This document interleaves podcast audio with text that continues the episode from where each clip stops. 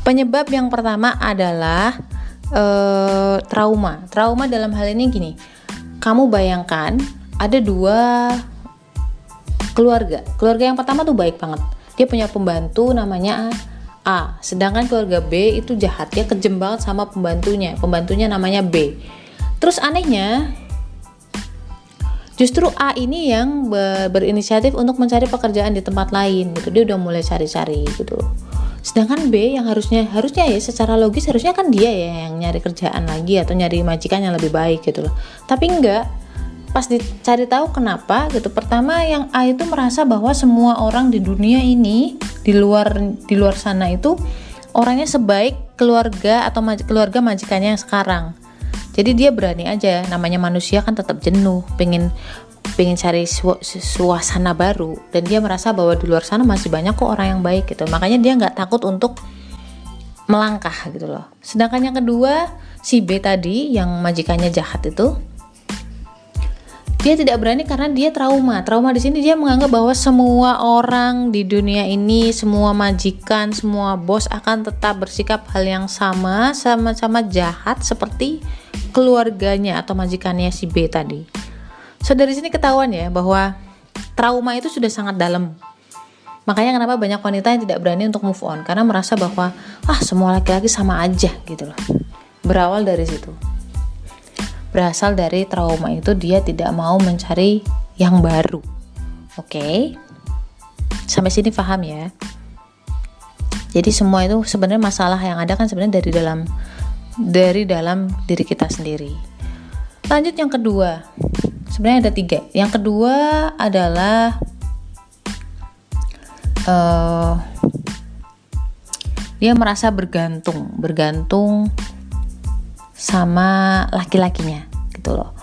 Entah dari segi uh, dari segi apa ya namanya? Nafkah. Pokoknya suaminya tuh membuat si wanita ini merasa bergantung sama dia apa pun itu. Entah dari segi nafkah lahir nafkah batin uh, karena di awal-awal itu si laki-laki udah bikin wanitanya terbang gitu loh.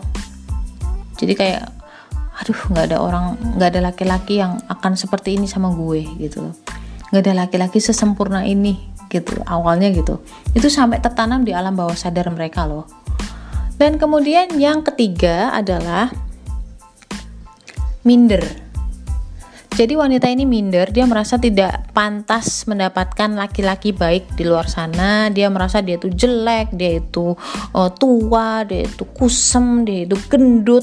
Pokoknya semua hal-hal negatif yang ditanamkan oleh pasangannya, oleh suaminya atau oleh laki-lakinya ke dia yang jelek-jelek sehingga dia minder gitu loh. Itu memang sengaja laki-laki tuh kayak gitu. Coba yang udah nikah puluhan tahun, coba bayangin laki-laki kalian itu atau suami kalian itu kan seringnya kayak gitu ya ya mama kan udah tua mah gitu mama kan udah ini ah ya kayak gitu gitu tapi memang ada yang sengaja melakukan itu biar wanitanya itu minder guys kalau dia minder si wanitanya minder jadi laki-laki ini tidak akan di apa ya nggak akan dikalah-kalahin gitu loh sama wanitanya. Sebenarnya kita bukan masalah kalah-kalahin sih ya tapi kan namanya penanaman hal-hal seperti itu bikin nggak percaya diri gitu. Orang yang nggak percaya diri kan nggak akan bisa move up gitu loh. Selamanya nggak akan pernah bisa move up. Self love-nya nggak akan tinggi gitu loh. Kalau misalkan yang ditanamkan terus-terusan itu minder gitu loh. Keminderan atau negatif. Yang jelek yang tua yang pokoknya fisik lah yang mental ah kamu kan bodoh kayak gitu-gitu. Itu biar wanitanya bisa selalu diketekin gitu loh dan gak akan pernah bisa pergi. Kayak zaman penjajahan sih ya betul betul banget. Dan akhirnya Indian akibatnya bahwa self love-nya wanita ini menjadi sangat kecil. Self love itu apa sih guys? Self love itu adalah kecintaan kamu atau penghargaan kamu terhadap diri kamu sendiri dan ini yang uh, diserang sebenarnya. Kalau udah kayak gitu wah aduh berat. Nyembuhinnya tuh berat. Dan akan butuh waktu lama. Ya maklum namanya kecanduan gitu. Nggak mungkin sehari dua hari terus sembuh. Oke okay guys bentar dulu. Aku potong dulu jangan ke mana-mana. Setelah ini aku akan kasih tahu kasih tips caranya gimana biar self love kita lebih besar dan bisa move on dari toxic relationship.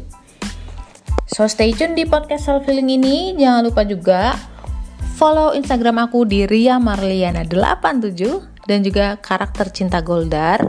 Di situ banyak uh, tips-tips tentang karakter berdasarkan golongan darah. So stay tune ya.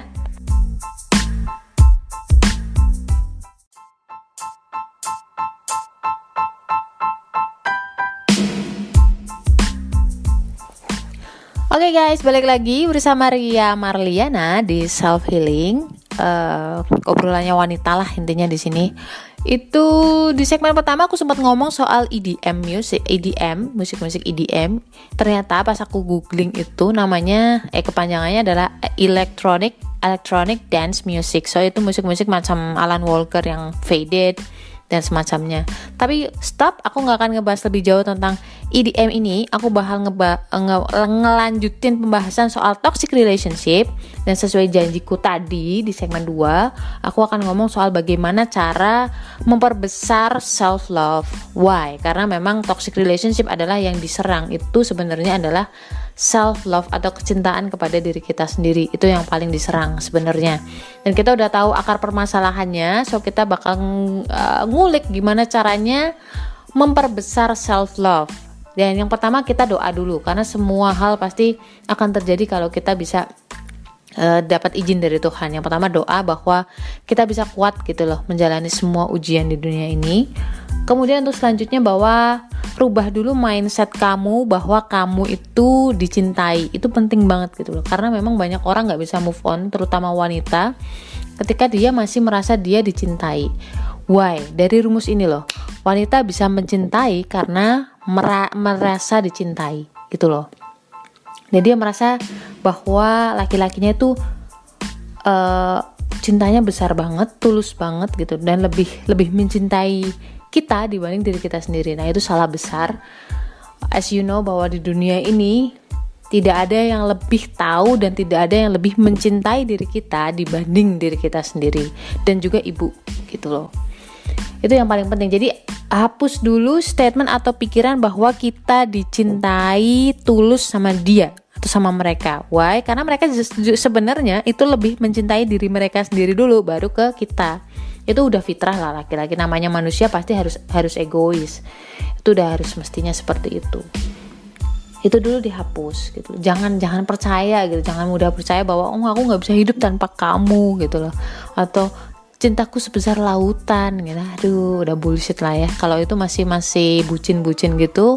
Tapi kalau orang udah di atas 30 tahun kayak saya udah punya anak gitu udah nggak mikir masalah bucin lagi udah pikirannya fokus ke bagaimana dapur tetap ngebul. Itu yang paling penting. So guys itu yang kedua. Yang pertama tadi adalah doa yang kedua adalah hapus pikiran bahwa kamu uh, hapus pikiran bahwa dia mencintai lebih mencintaimu dibanding dirinya nggak salah itu laki-laki itu lebih mencintai diri dia dibanding kita. Tidak ada yang lebih mencintai dari kita kecuali kita. Oke? Okay? Lanjut ke yang ketiga bahwa pikiran bahwa ada atau tidak ada laki-lakimu itu kamu harus tetap hidup. So ini uh, penanaman ini harus sering ditanemin setiap kali mau tidur bangun tidur bahwa ada nggak ada dia kamu harus tetap hidup itu buat menghapus uh, kebergantungan kita ke laki-laki gitu. I mean bahwa namanya manusia itu harus tetap hidup. Why? Karena karena memang uh, jangan sampai kita bergantung ke orang gitu loh. Kita bergantungnya sama Tuhan. Se secara ya yang ngasih rezeki kita tuh Tuhan. Mau lewat mana pun pasti Tuhan ngasih kok gitu. namanya rezeki pasti akan cari jalannya sendiri ke kita gitu loh. Nggak usah takut. Mungkin kita nggak dapat uh, duit lagi dari si X gitu atau dari dia gitu. Akan ada jalan lain di mana asal kita tetap berusaha akan ada jalan lain untuk mendapatkan rezeki itu percaya deh coba kamu ngobrol sama banyak orang sering-sering ngobrol sama orang-orang yang udah dewasa udah teruji dalam rumah tangga gitu. Percaya aja deh pasti ada jalannya. Saya nggak ngerti tapi pasti dan saya yakin banget. Nah, itu kalau yang kayak gitu udah ngomongnya soal iman gitu loh. Itu yang pertama tadi doa kedua adalah uh, percaya bahwa tidak ada yang lebih mencintai diri kita kecuali diri kita sendiri. Yang ketiga adalah ada nggak ada dia kita harus tetap hidup. Kita bergantungnya sama Tuhan. Terus yang keempat adalah menentukan tujuan hidup. Nah ini banyak banget wanita yang sampai usia di atas 30 tahun katakanlah 40 tahun mereka belum tahu kenapa saya harus hidup di dunia ini.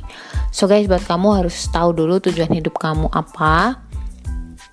Dan uh, setelah tahu tujuan hidup kamu coba sibukkan diri kamu untuk mencapai tujuan itu gitu loh. Saya kayaknya ada satu episode cuma lupa judulnya. Intinya saya ngobrol tentang tujuan hidup menentukan tujuan hidup. Dan itu e, berarti banget untuk fokus kita itu beralih dari toxic relationship ke fokus yang lebih baik. Jadi memang ada beberapa tips untuk menentukan tujuan hidup. Saya kasih clue-nya se -se secara garis besar aja. Yang pertama adalah tujuan hidup itu letakkan yang jauh, misalkan kayak di akhirat gitu. Jangan sama-sama di dunia karena itu nggak akan kokoh.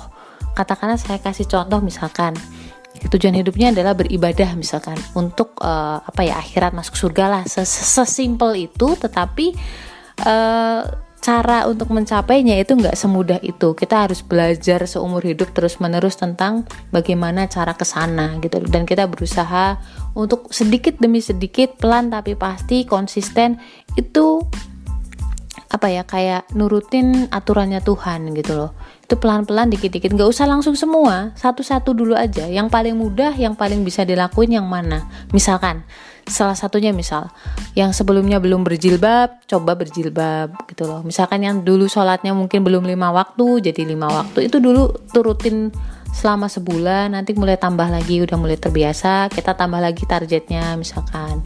Kayak gitu terus gitu loh. So insya Allah sih insya Allah ya kalau kita memang ada di jalan Tuhan itu pasti Tuhan bantu gitu loh. Bantu untuk kuatin kita di jalan itu. Dan insya Allah kita juga akan lepas dari toxic relationship. Ini bukan soal kamu bercerai atau pisah dari laki-lakimu atau bukan enggak. Tetapi even kamu nggak bercerai pun kamu udah tenang hidup kamu. Karena apa? Tujuan kamu tuh mencari keridoan Tuhan gitu loh. Bukan mencari uh, apa ya cintanya suami gitu loh Bener gak sih? Kalau kamu nyari ridhonya Tuhan, otomatis kok nanti suamimu juga cinta gitu. Doain aja, insya Allah dia berubah dan sabar. Jadi lagi-lagi tujuannya adalah mencari ridhonya Allah gitu, bukan mencari perubahannya si suami. Itu otomatis lah, bonus lah kayak gitu. So guys, aku bakal recap karena kayaknya episode ini udah panjang banget aku khawatir kamu bosen. Jadi aku udahin dulu tapi aku bakal recap dulu ya. Yang pertama adalah uh, bahwa episode ini terinspirasi dari lagu berjudul Lati yang dinyanyikan oleh Farah Sajira kalau nggak salah ya. Dan kita tahu bahwa itu tuh lagu tentang toxic relationship yang merubah wanitanya menjadi ah, maaf agak uh, lebih ke jahat gitu loh dingin gitu nggak punya hati gitu jadi aku lebih mikir tentang toxic relationshipnya. Apa sih penyebabnya toxic relationship? Jangan sampai uh, hubungan itu membuat kamu jauh lebih buruk gitu loh. Entah dari sisi ketenangan batin kamu gitu loh atau mental kamu gitu loh. Jadi kamu jahat gitu loh jangan kayak gitu.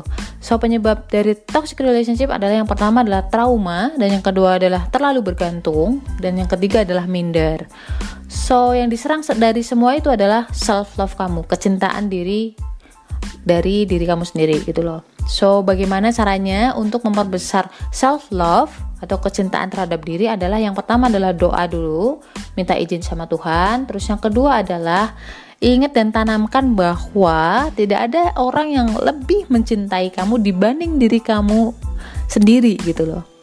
Dan yang bisa nyembuhin itu ya cuma Tuhan dan juga diri kamu. Jangan nyari orang lain gitu loh. Terus yang ketiga adalah bahwa tanamkan bahwa ada atau tidak ada dia kamu harus tetap hidup ya kan? Karena memang yang ngasih hidup kamu itu kan bukan dia. Sebenarnya yang ngasih rezeki kamu itu kan juga Tuhan gitu loh. Dan yang terakhir adalah tentukan tujuan hidup. Dan tips untuk mencari tujuan hidup adalah jangan letakkan tujuan hidup sama-sama di dunia tapi letakkan yang lebih jauh misalkan di akhirat yaitu mencari keridoan Tuhan. Otomatis ketika kamu dapat ridhonya Tuhan cintanya suami pasti kamu dapat. Itu itu Allah yang janji sih dan ingat bahwa wanita yang baik itu untuk laki-laki yang baik. So, pantaskan diri kita menjadi wanita yang baik. Pertama, ada kemungkinan pertama adalah laki-lakimu jadi lebih baik atau yang kedua kamu akan dipertemukan dengan orang yang memang baik buat kamu. Baik itu artinya baik di dunia dan juga buat di akhirat kamu. So guys, itu dulu sharing kali ini.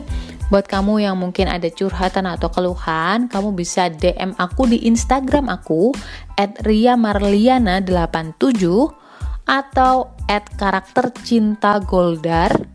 So ditunggu ya. Insya Allah saya akan balik lagi untuk uh, obrolan-obrolan wanita yang lainnya dan kasus uh, kasus kasus kasus yang lain. Gitu dulu. Assalamualaikum warahmatullahi wabarakatuh.